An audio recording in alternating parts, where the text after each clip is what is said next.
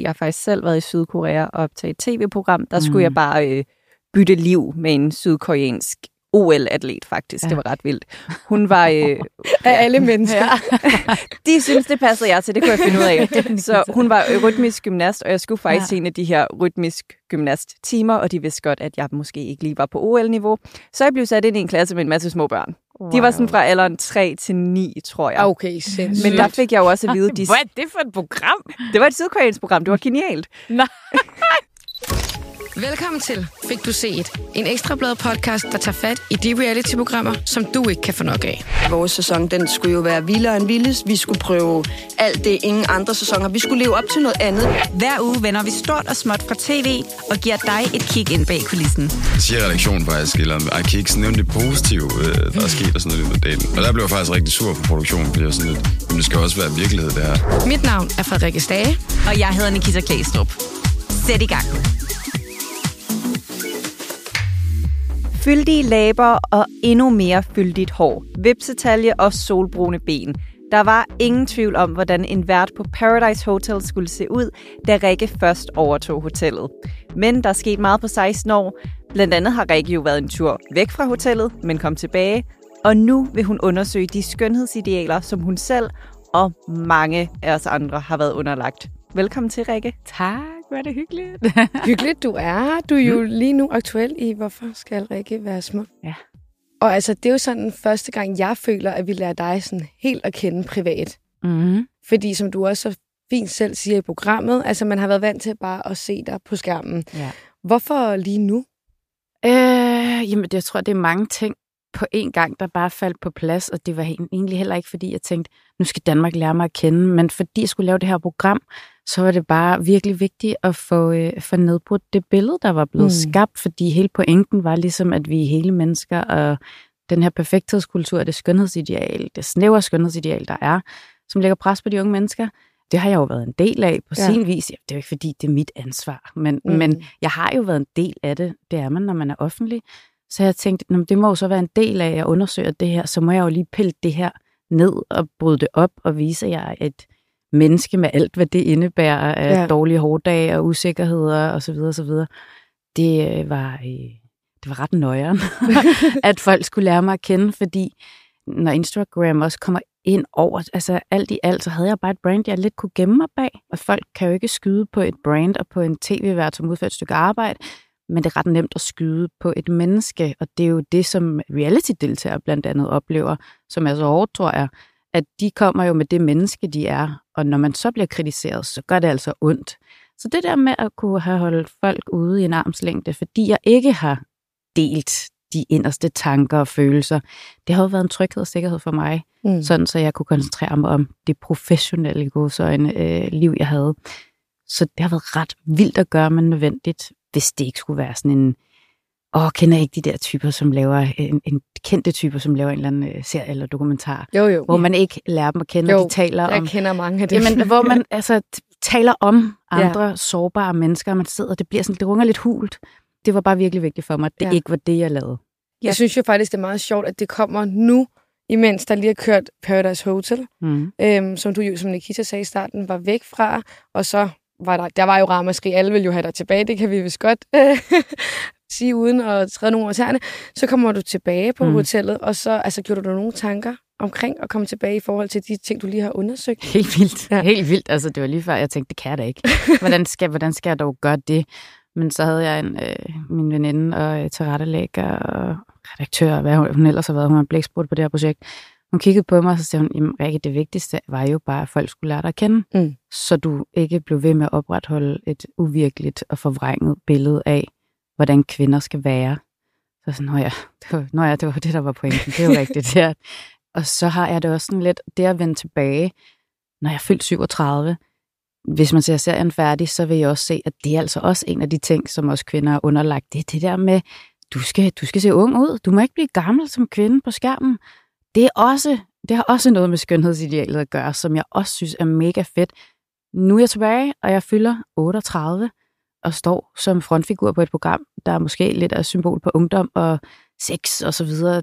Så det ser jeg også som noget, en sejr, noget øh, feministisk stærkt, øh, et feministisk stærkt signal at sende ud til unge kvinder, prøv at høre, giv en gas, og I behøver ikke at være, nu har jeg ikke fået Botox i et år, I behøver ikke altså, at være fuldstændig glatte over det hele. Vi kvinder har også lov til at være i mediebilledet, når vi er plus 35, plus 40, plus 50. Altså, det, jeg tror, det var med den, så kunne jeg godt vende tilbage. Ja. Du fortæller også om sådan din første år som vært på Paradise, mm. hvor der jo faktisk står i din kontrakt, at du ikke må ændre udseende markant. Ja. Spurgte du nogensinde konkret nogen ind til, hey, hvad betyder det her egentlig? Må jeg ikke få en næsepiercing, eller hvad er det, vi laver? Oh, det er 17 år siden, men det jeg husker var bare, at jeg var opmærksom på, okay, jeg må nok ikke skifte hårfarve, og jeg må nok ikke få så mange tatoveringer heller. Altså, jeg skal, jeg skal blive ved med at være den, som, øh, som jeg var, da jeg blev ansat. Altså, det var mere det billede, jeg ligesom havde af det. Og øh, jeg tror, at de fleste øh, professionelle tv-værter, eller det ved jeg ikke, ja, filmskuespillere, de ved godt, at når de har gang i et projekt, må de jo ikke gå ud og kronrave sig, fordi så får vi et problem med at kunne fortsætte med det projekt. Problemet var jo bare, at det også dækkede lidt over min fritid øh, i den her kontrakt. Ikke? Men det handler om kontinuitet, og ikke så meget om, at, at jeg ikke må tage på. Det stod der jo ikke nogen steder. Men implicit betyder det vel også, at jeg ikke må tage enormt meget på. Ja, du fortæller jo også om, at øh, der er ikke rigtig nogen, der tager stilling til, hvilken størrelse kjole du skal have. De går bare ud fra, når man rigtig skal have en størrelse 34, nu gætter jeg bare. Og ja, det skete hvert år, at der simpelthen var nogle år, hvor du havde det dårligt, og du følte, du ikke passede i det her tøj. Jeg blev 26, og øh, da jeg blev 26, og øh, jeg var ikke aktiv på det tidspunkt, så, så sker der noget med stofskiftet, og øh, det var ikke noget, jeg var synderligt opmærksom på, indtil jeg ligesom stod.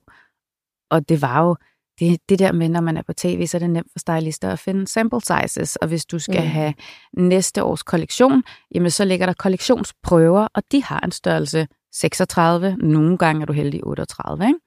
Så hvis man vil have det, der ligesom så er i butikkerne, når tv-programmet bliver sendt, så skal du ud og have kollektionsprøver. Og det tror jeg er super normalt i tv-branchen, og når du har skyder blade og forside og sådan noget. Det er det, man går ud og låner. Så der skal du helst passe ned i de her størrelser, for ellers er det svært at få fat på. Så det egentlig tror jeg bare er sådan, den verden fungerer. Mm. Øh, det har ikke sådan noget med min stylist at gøre. Det, det var bare sådan, det var. Og jeg tror faktisk, det er sådan, det er i dag også. Med mindre du, du altså, der er en, der faktisk spørger dig, hvad størrelse er du? Nu er du jo på en eller anden måde blevet symbolet for Paradise Hotel. De prøvede at fjerne dig. Ingen kunne lide det. Alle vil have dig tilbage. Det ikke. Ja, så jeg tænker, har du mere magt på produktionen nu, end du havde førhen? Kan du simpelthen sige til dem, nej, jeg har ikke lyst til at have en maveblues på. Sådan, nej, I kan ikke prøve at presse mig ned i en størrelse 36. Mm. Please find en størrelse, der passer mig. Det er mange år siden, det var sådan. Det er virkelig mange år siden, det var sådan. Øhm, fordi det var ret tidligt, da jeg fandt ud af sådan... Eller da, jeg tror, da jeg, blev, øh, da jeg blev opmærksom på det her med ikke at passe ned i størrelserne, så var der jo noget med, hey, altså, det, det, det går jo ikke. Vi kan jo ikke have for småt tøj med. Nej, og det var alle enige om. Det var en virkelig dårlig idé. Altså, så, så det er jo ikke, fordi de ikke jeg har tænker været... også, i varmen, så sveder man, ja, og så hæver man i forvejen. Nej, så det har jo været en udvikling, og det, Paradise Hotel er også et spejl på vores samtid og vores kultur. Og dengang jeg startede, der, når man lavede en mælkereklame, så øh, blev den solgt via sex. Det var alle mulige, der var på forsiden af M, og det var et statusstempel, hvis du var på forsiden af M, eller FHM. Altså, det var mm. jo ikke bare reality-deltagere. øhm, så det var en anden tid, vil jeg sige. Nu er jeg jo en voksen kvinde, og jeg har fuldstændig lov til at bestemme over, hvordan jeg vil se ud. Og øh, så, kan, så er der noget, der gør sig godt på tv, tror jeg, man siger, og noget, der ikke gør sig så godt på tv. Og selvfølgelig er de altid interesseret i, at øh, jeg ser bedst muligt ud, og det er kærligt ment, ikke som at jeg skal noget, men de, øh, de vil det bedste for mig på skærmen, mm. dem jeg arbejder sammen med. Altså Nikita er jo med i, øh, i programmet, som vi snakker om nu, mm. øhm, hvor du også taler om skønhedsidealer og primært øh, Kardashian-familien. Men du har jo faktisk også været gæstestjerne på Paradise Hotel, Nikita. Ja, det er jo faktisk vores andet program, vi får lov til at lave sammen. Det er det tredje i dag. Det er sandt. Ja. Og jeg kan huske, da jeg kom ind på hotellet, et, jeg bliver bedt om at have den her famøse kjole på. Det var forfærdeligt. Det var alt for varmt. Hvornår, hvornår var det? Oh, det er et godt spørgsmål. Det var i sæson 12, men hvornår blev det optaget? Jeg har lyst til at sige 2015 eller noget. Mm. Så jeg står i den her kæmpe gallerkjole, og jeg tror, at deltagerne har lige spist morgenmad. Og du er der, og du er jo også helt stylet, fordi ja. du er vært, Rikke. Og jeg kan huske, at vi står foran de her, vi optager den der lille scene med sådan, det her Nikita, mm. hun skal hjælpe jer i den her uge. Og så kan jeg huske, da vi er færdige, at du ligesom kommer med en lidt kærlig opsang til gæsterne. Fordi jeg tror, mange af dem er bare gået op og spist morgenmad i deres nattøj. Så du ved, der er lidt store t-shirts og sådan halvnussede shorts, de har på, og du siger sådan, altså prøv lige at se på os to. I bliver nødt til at klæde jer lidt pænere på.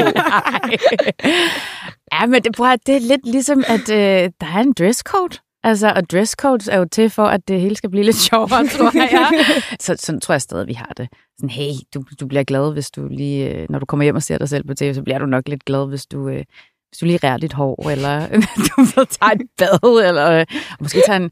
Det, vi ved, du har to kufferter tøj med. Ja. Og så nogle gange, så er det bare, fordi de ikke gider. Det er jo dejligt, de har det, de har det bare afslappende og lækkert. Men du ved, det er sådan lidt, det er jo det der med, det skal være øh, smukt og skønt, og vi Ja, ja, gør os lidt umage. og- og... du ved, når der er parceremoni, så har vi alle sammen taget pænt tøj på. Det er som man går til gala med, og så klæder man sig pænt på. Så vi opfordrer jo bare til, hey, I er også selv med til at skabe det her univers, som er en lille smule magisk Ja. ja. og øh, luksuriøst. Så du har fuldstændig ret. Vi har det, vi siger, vi siger det ikke så meget til mere, for det kan man jo ikke rigtig tillade sig. Nej, det er jo det. Men jeg tænker også, om der er blevet plads til på en eller anden måde. Selvfølgelig vil vi gerne have, at folk ser godt ud. De vil jo også gerne se godt ud, når de ser sig selv på skærmen. Mm. Men om der er blevet plads til mere forskellighed. For ja. jeg kan huske en sæson, og jeg vil ønske, jeg kunne huske, hvilken sæson. Men der er en pige fra Færøerne, der tjekker ind, og I har givet hende den hemmelige mission, at hun skal klæde sig goth. Så hun kommer ind sådan i helt sort tøj og med sådan piercinger. Jeg tror endda, I havde givet hende falske vild, du kan huske tatoveringer. alt. Jeg sidder og er genlever det sådan igennem dig. Men hun kommer ind her, og der er jo ingen, der er interesseret i hende, fordi alle synes, hun ser underlig ud. Eller sådan, hvem er hende her, der ikke taler helt rent dansk? Hun har en lille smule accent, og hun klæder sig mystisk, og alle andre er jo poppiger. Og så viser det sig jo, at det hele bare var en test, og i virkeligheden er hun sådan en smuk, blond poppige, som arbejder på som bartender eller et eller andet. Mm. Tror du, man vil lave samme twist i dag? Altså, jeg synes jo, noget af det Paradise Hotel kan, det er at sætte folk i dilemmaer og, øh, og vise, hvem mennesker egentlig er. Så den test synes jeg jo faktisk er sjov. Den er ikke sjov, fordi at man på en eller anden måde øh, sætter øh, nogle typer mennesker i kasser. Så det er jeg jo ikke for. Men, øh, men det der med at teste folk øh, rent menneskeligt, og at der er plads til, at man både kan være tage nogle gode beslutninger og dårlige beslutninger, at vi ikke alle sammen er perfekte, og at vi begår fejl, og så kan man lære af det og tilgive folk. Altså, det er jo meget menneskeligt alt det her. Mm. Og det er jo det, som jeg synes, Paradise Hotel og endelig må holde fast i. Vi skal ikke, selvfølgelig skal der ikke være krænkelser, der skal ikke være øh, gruppemobning i længere tid ad gangen og sådan noget. Det er jo ikke det, vi er interesseret i overhovedet.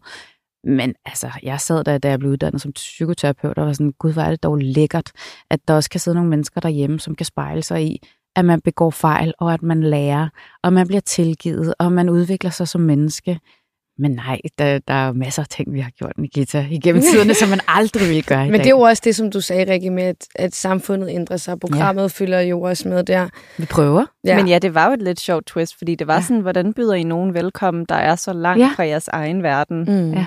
Det handler jo netop om vores forudtagede holdninger Mm. til folk.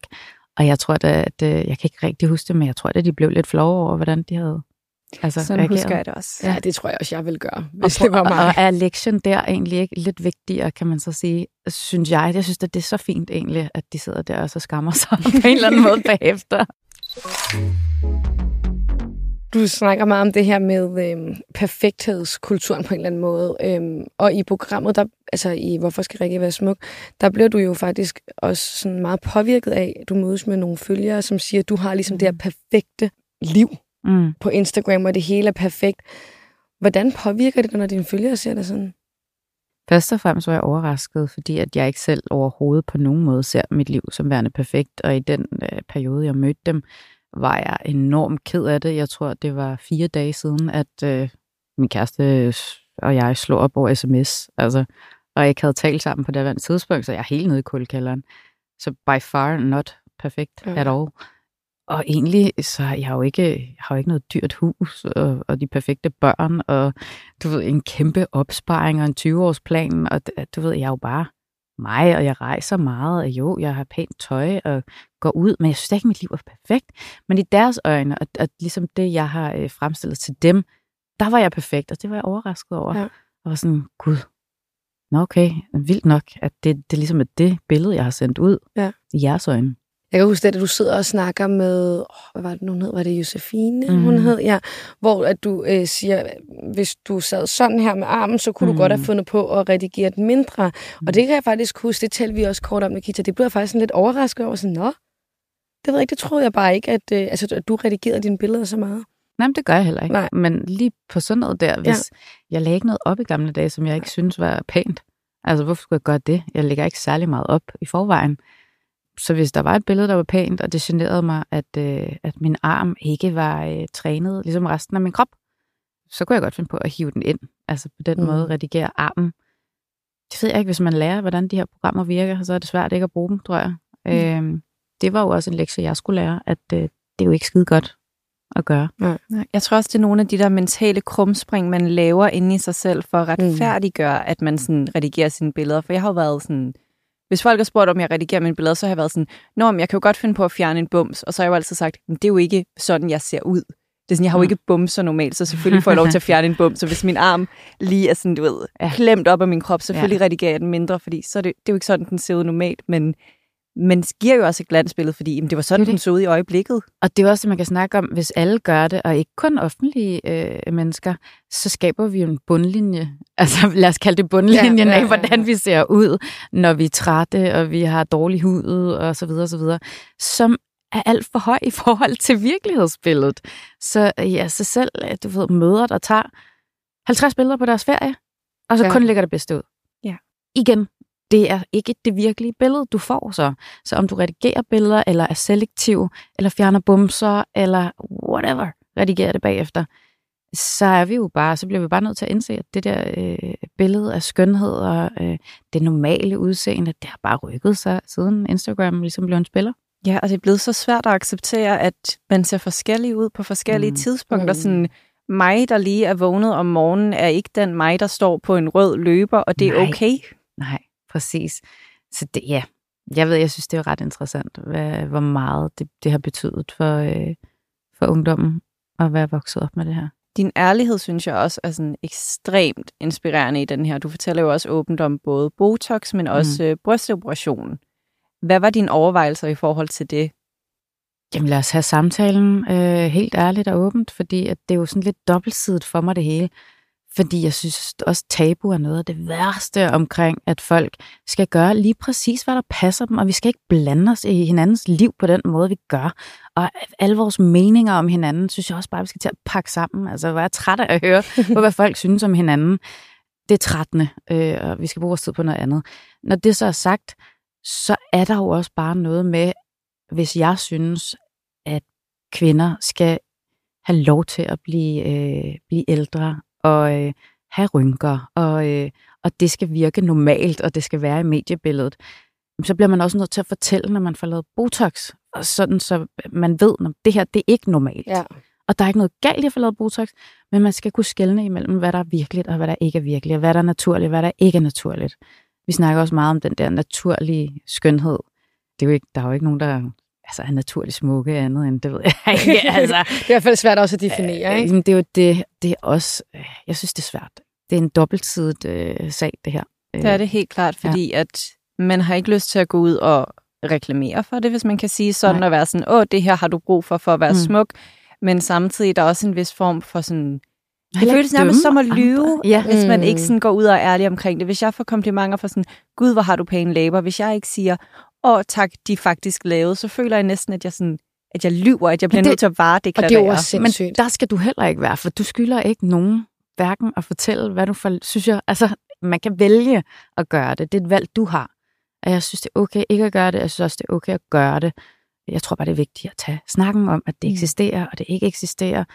Og, og hvis man, øh, ja, det er op til dig jo fuldstændig selv. Det synes jeg.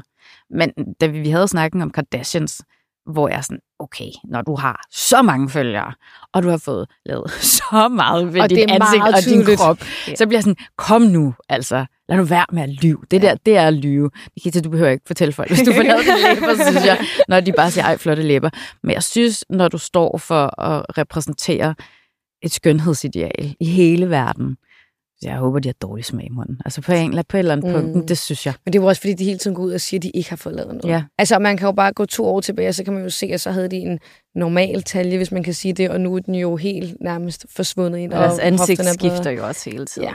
Jeg vil dog sige, at jeg er faktisk virkelig glad for, at jeg fik lavet læber. Jeg mm. synes, det har givet mig rigtig meget. Jeg føler, at hele mit ansigt er blevet mere harmonisk, efter jeg fik lavet dem. Jeg havde øh, ikke eksisterende læber før. Jeg synes ikke, det klædte mig. Men der er også ting, jeg tænker tilbage på, som jeg gerne vil have lavet en gang, mm. hvor jeg nu som 29-årig er sådan, gud, hvor jeg er lykkelig for, at jeg ikke fik det lavet. Yeah. I lang tid ville jeg jo vildt gerne have lavet min næse. Jeg var så ulykkelig over min næse.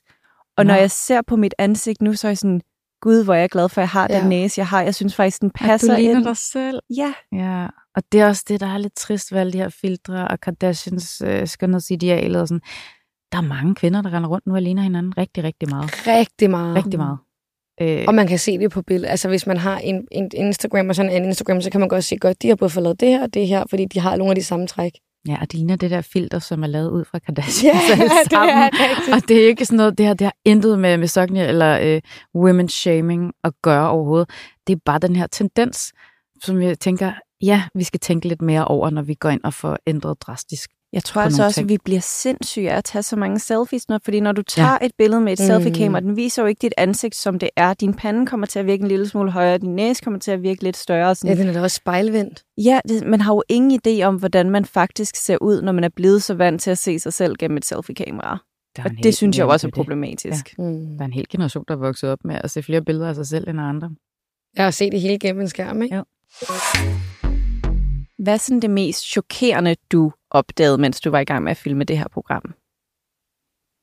Øhm, jeg tror, øh, selve sammenhængen, da vi tog til Sydkorea. Og det var ligesom at få det op i det store perspektiv, og så rejse tilbage til Danmark, og have set, hvad det gør ved en hel nation, når man er overambitiøse, over competitive, at skønhedsidealet er så stringent fordi at øh, selvmordsretten i Sydkorea er mm. den højeste i hele verden. Og det er så sindssygt. Og det er ret tydeligt, at det også er det land, hvor de har det højeste skønhedsideal, øh, og perfekthedskulturen brager der ud af. Mm. Altså, jeg vil også sige, at Sydkorea-programmet var vanvittigt for mig at se. Jeg har faktisk selv været i Sydkorea og optaget et tv-program. Der skulle mm. jeg bare øh, bytte liv med en sydkoreansk OL-atlet, faktisk. Ja. Det var ret vildt. Hun var... Øh, af alle mennesker. Ja. De synes, det passede jeg til. Det kunne jeg finde ud af. Så hun var rytmisk gymnast, og jeg skulle faktisk ja. en af de her rytmisk gymnast-timer, og de vidste godt, at jeg måske ikke lige var på OL-niveau. Så jeg blev sat ind i en klasse med en masse små børn. Wow. De var sådan fra alderen 3 til 9, tror jeg. Okay, sindssygt. Men der fik jeg jo også at vide... De... Hvad er det for et program? Det var et sydkoreansk program. Det var genialt. Nej. Men der fik jeg jo at vide, at de begynder, når de er sådan 3 og så Ej, træner de her så børn. Vanvittigt. De træner seks dage mm. om ugen i 3-4 timer ad gangen. Det er der er så... ikke noget med, at man går til rytmisk gymnastik, fordi mm-hmm. det er lidt sjovt, at ens veninder gør det. Der er det sådan, du kommer til at vinde fucking OL-guld, ja. og hvis du ikke gør det, er du intet værd. De bliver jo smadret. Altså deres kropper, deres sind og alt. Men jeg det, synes i hvert fald, det var ret vildt, sådan, så unge børn, at allerede nu havde deres forældre valgt sådan, hvis vi gør det her, så gør vi det, fordi det er en karriere. Det her er ikke mm. bare en lille sjov pastime for dig. Nej. Og det, og det var det. Så det satte ligesom et ting i perspektiv. Fordi der var også det her med virtuelle influencer, og det er jo det, det er alligevel to år siden, jeg ja. lavede det, ikke? og nu er man heldigvis begyndt at snakke mere om det, men da jeg faldt over den artikel, var jeg sådan, what the actual fuck? Hvad snakker ja. de om? Virtuelle influencer, altså ikke ægte influencer, og fandt ud af, men det her, det er jo helt whack, fordi det er ikke engang et menneske længere. Altså, så er det helt fejlfrit. Det er fuldstændig Så er det noget med, at de skabte perfekt. en person. Men så har de jo skabt en person ud fra enormt meget data, ja. som de har hævet fra de unge mennesker. Hvad er det, de vil se? Hvilken slags øh, fritidsinteresser går de op i? Og så kan de simpelthen øh, forskellige brands kan markedsføre sig så præcist igennem de forskellige virtuelle influencer, der aldrig nogensinde kommer ud for en skandale. Ja. Fordi det er ikke ægte mennesker. Og så er det den bedste til dans, der laver TikTok, og så smider man det her øh, ansigt, de har skabt oven på mennesket, der er bedst til at danse. Og det samme gælder så, så finder de den bedste til at synge, som har nogenlunde samme krop, bang, så ryger ansigtet på der, og sådan fortsætter det bare, indtil de har skabt det her perfekte menneske ud fra det billede, som man tror, de unge vil have. Og det er eddermame med nøjeren, det der. Og det er altså også bare, prøv lige at overveje at skulle leve op til det i hverdagen, ikke? Det altså, synes jeg er så skræmmende, også fordi det, der var fedt ved sociale medier, da det først kom frem, sådan du ved, åh, oh, jeg kan følge med i, hvad mine klassekammerater laver, ja. og det er sådan, åh, oh, jeg kan følge med i Rikke fra Paradise, så kan jeg se, hvad hun hvad laver, laver hun, hun ikke lige er nu? værd. Mm. Hvad laver hun lige nu? Jamen, det var jo ser interessant, hun ud, fordi hun ikke er på arbejde? dig som menneske var jo interessant for ja. mig. Derfor var det interessant at følge dig og dit liv. Og nu har de bare skabt et menneske ud fra, åh, jeg tror, du interesserer dig for de her ting. Det synes jeg var sådan enormt skræmmende. Det er jo ligesom, når du får reklamer på computeren. Hvis du lige en gang havde inde på Mango for at lede efter en trøje, så kommer den trøje Sådan bare frem. der. Det Hele bedste er, tiden. når man har købt en brødrester, så bliver man ved med at få reklamer for brødrester. Og man er sådan, jeg har købt den. Det er okay, jeg har ikke brug for flere. Lad mig være nu. Stop! jeg fik faktisk virkelig chok der, da du øh, mødes med hende Miss Universe. Eller Miss øh, Sydkorea. hvor var skræmmende. Det var Ej, undskyld, virkelig... Det er simpelthen det mærkeligste. Ej, hvor så det ubehageligt med ud. til. Ja, og jeg sidder selv og ser det og cringer lidt over, gud, hvor er du bare en øh, dårlig journalist. Nej, jeg synes og- faktisk, du håndterede det men jeg var virkelig sådan, flot. hvad gør man der altså? Ja, ej, du Også bare, det du godt. bliver nødt til at spørge, skal jeg bare stille ja-nej-spørgsmål? ja, eller? må jeg godt... Øh... Hvordan var det at være i? Jeg, øh, jeg var overrasket, men jeg tror også, at når man står i sådan noget der, så er det også bare, så må man tage det, som det kommer. Jeg var i chok bagefter. Midt i det hele, dybt ubehageligt. Mm. Altså virkelig. På hendes vegne synes jeg også, det var rigtig ubehageligt, fordi du kan jo se hendes øjne flakker som et, et dyr, der er fanget i nogle øh, forlygter. Altså, hun var jo angst for at sige noget forkert. Øh, og til historien øh, hører sig også, at hende her, øh, ja, hende den lidt ældre, Ja, øh, hende, der afbryder interviewet præcis. også. Ja. det er faktisk hende, der afholder Miss Universe, og det er hende, der har scoutet den unge Miss Universe på gaden. Og hun er jo uvirkeligt altså, høj i forhold til, hvor høje sydkoreanere Mm. er. Hun er altså sindssygt tynd. Så hun har jo bare været sådan, hende her, hun kommer, hun kommer til at vinde, fordi hun, hun slår alle skønhedsidealer op. Altså, altså så godt ned i. Ej, det er syret. Men det, der ikke er taget med, det er jo, hun er jo ikke en stærk rollemodel. Hun er jo ikke øh, selvsikker. Hun er enormt usikker og meget ung af sind. Så det var jo ikke et helt støbt menneske, jeg sad overfor. På den måde, synes Mm-mm. jeg. Selvfølgelig er det et helt menneske, men om, om det her menneske skal repræsentere andre unge kvinder, og man skal se op til det, det synes jeg ikke. Nej, jeg vil også sige sådan, nu er det ikke, fordi jeg går super meget op i skønhedskonkurrencer, men jeg føler, når man hører om Miss Universe, Miss World og sådan noget, så føler jeg altid, at de markedsfører sig på sådan stærke kvinder med Ja. mærkesager, Mm. interesser, værdier. Og her var det sådan, jeg, jeg kan ikke lige at sige det her, for jeg føler, at jeg taler negativt om hende, og det er ikke mm. med Mm. vilje, men lidt en tom skal, som bare sad og kiggede op på sin jeg forstår, til at hvad sige du mor, mener. og være sådan, hvad må jeg svare her? Det handler Ja. kun om udseendet. Ja. Fik man ligesom et indtryk af. Og det var Ja. jo det, der var så chokerende, fordi jeg tænkte, det er ikke så godt, at det er dem, man skal se op til.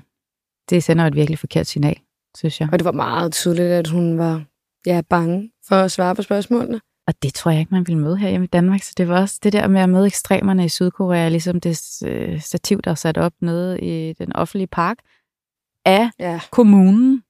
Det, er sagde, så det var kommunen, der, fordi da du Ja. først via det der stativ, hvor man ligesom kan se, hvor tynd skal du være i den her alder, så tænkte jeg, gud, hvad er det for en underlig performance art? Hvorfor er det ikke hævet ned? Og så får du at vide sådan, om det er kommunen, ja. der har smidt det op. Det er fucking kommunen. Og så det der barn, der løber ind igennem for Og at det er se. ikke, jeg lover, det er ikke staged. Ej, men det er jeg så var i chok. Det er Jeg var så sådan, det sker Jeg kan godt ikke se, det her. du bliver virkelig chok. Du var sådan, så I det? Så I det Men også? først løber hun igennem, og så er sådan, nej ven, det skal du ikke gøre. hoppe over på legestativerne. Hvad laver du? Det skal du ikke. Vender sig, kigger på mig og slår sig på maven. Jeg var sådan, nej, nej, Ej. nej, nej, nej, nej.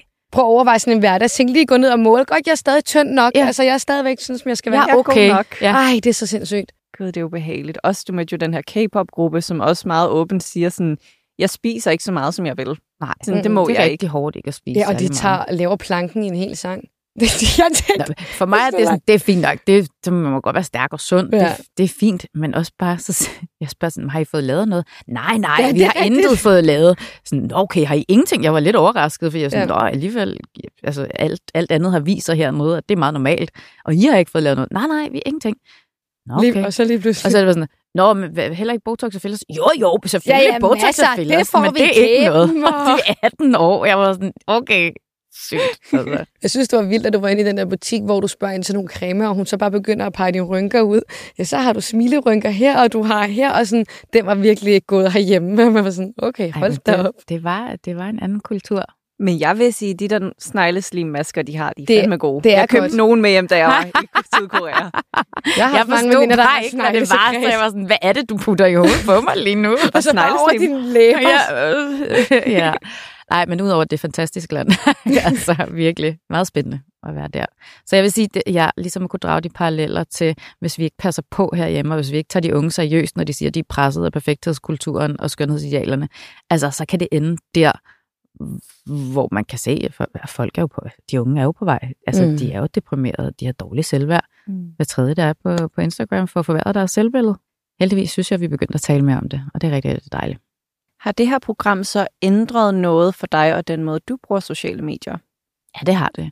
Øh, Jeg synes aldrig, jeg har været enormt øh, outspoken. Jeg har, bare, jeg har jo bare været der, og lidt sådan en smule ansvarsløst, men, øh, men så når jeg, der er noget, der har rørt mig, og jeg har haft noget på hjerte, så har jeg sagt det, så jeg er jo ikke øh, bleg for at, at stå op imod uretfærdighed. Jeg har bare ikke været klar over, at det faktisk betød noget, hvad jeg gjorde øh, for så mange mennesker. Så jeg kunne aldrig finde på at redigere et billede øh, den dag i dag. Og jeg filmer mig også, når jeg ikke synes, jeg ser brændt godt ud. Mine træningsbilleder. Ja, jeg skulle sige, jeg elsker er- dine videoer, når du går på Stærmaster. Jamen, det er virkelig, I får ansigtet, som det ser Ja. ud, ikke? og det er ikke kønt altid. men, men det skal det sgu heller ikke være at træne, jeg ved ikke, hvem der har fundet på det. Så, så ja, der er jeg blevet mere modig i forhold til i gamle dage, hvor jeg nok mere var en fitnessreklame at kigge på, så er det nu, Mm. det er som det er. Rikke, hvis du lige sådan helt kort sådan skal komme med den vigtigste, altså opsummere den vigtigste lektie, som du ligesom har fået ud af Mm. at optage det her program, hvad skulle det så være? Jeg synes, der er mange. Og jeg tror ikke, at lektien er fuldt ud lært endnu, fordi at vi mangler stadig at, at få sendt resten af programmerne, og jeg er i dialog med folk. Og jeg tror også, det feedback, jeg får øh, fra folk, der ser programmet, lærer mig endnu mere nu også om, når man havde ret i det, jeg troede, og øh, hvad, hvad, hvad betyder mest for folk, og hvem er det, der reagerer. Jeg kan mærke helt ned i maven, at øh, det har været rigtig dejligt at tage en chance og gøre sig selv sårbar Mm. jeg synes ikke, at folk nødvendigvis skal lægge deres sårbarheder ud på nettet. Jeg er også fortaler for, at man øh, skal tage, tage ting i fortrolighed, som er enormt sårbare. Fordi jeg synes, internettet er et øh, voldsomt sted at være, eller kan være. Så jeg synes ikke, at unge piger nødvendigvis skal lægge deres sårbarheder ud, men jeg vil da opfordre voksne mennesker til at, at vise et mere ærligt billede af, hvad det vil sige at være menneske på sociale medier Mm. ikke fordi, at de skal tage ansvar, men det kan jo sagtens være en opfordring til det. Det er det også til mig selv.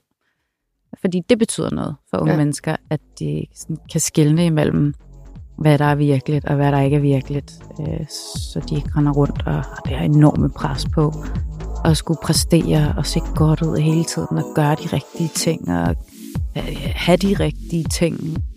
Og med det, Rikke, så vil vi bare sige tak, fordi at du vil være med og være åben og sårbar her også. Mm. Og som du også sagde i programmet, der er jo fortsat nogle afsnit endnu, som man kan se inde på Viaplay og følge med og dykke ned i den rejse, du er er på. Tusind tak. Tak fordi jeg måtte komme, I to.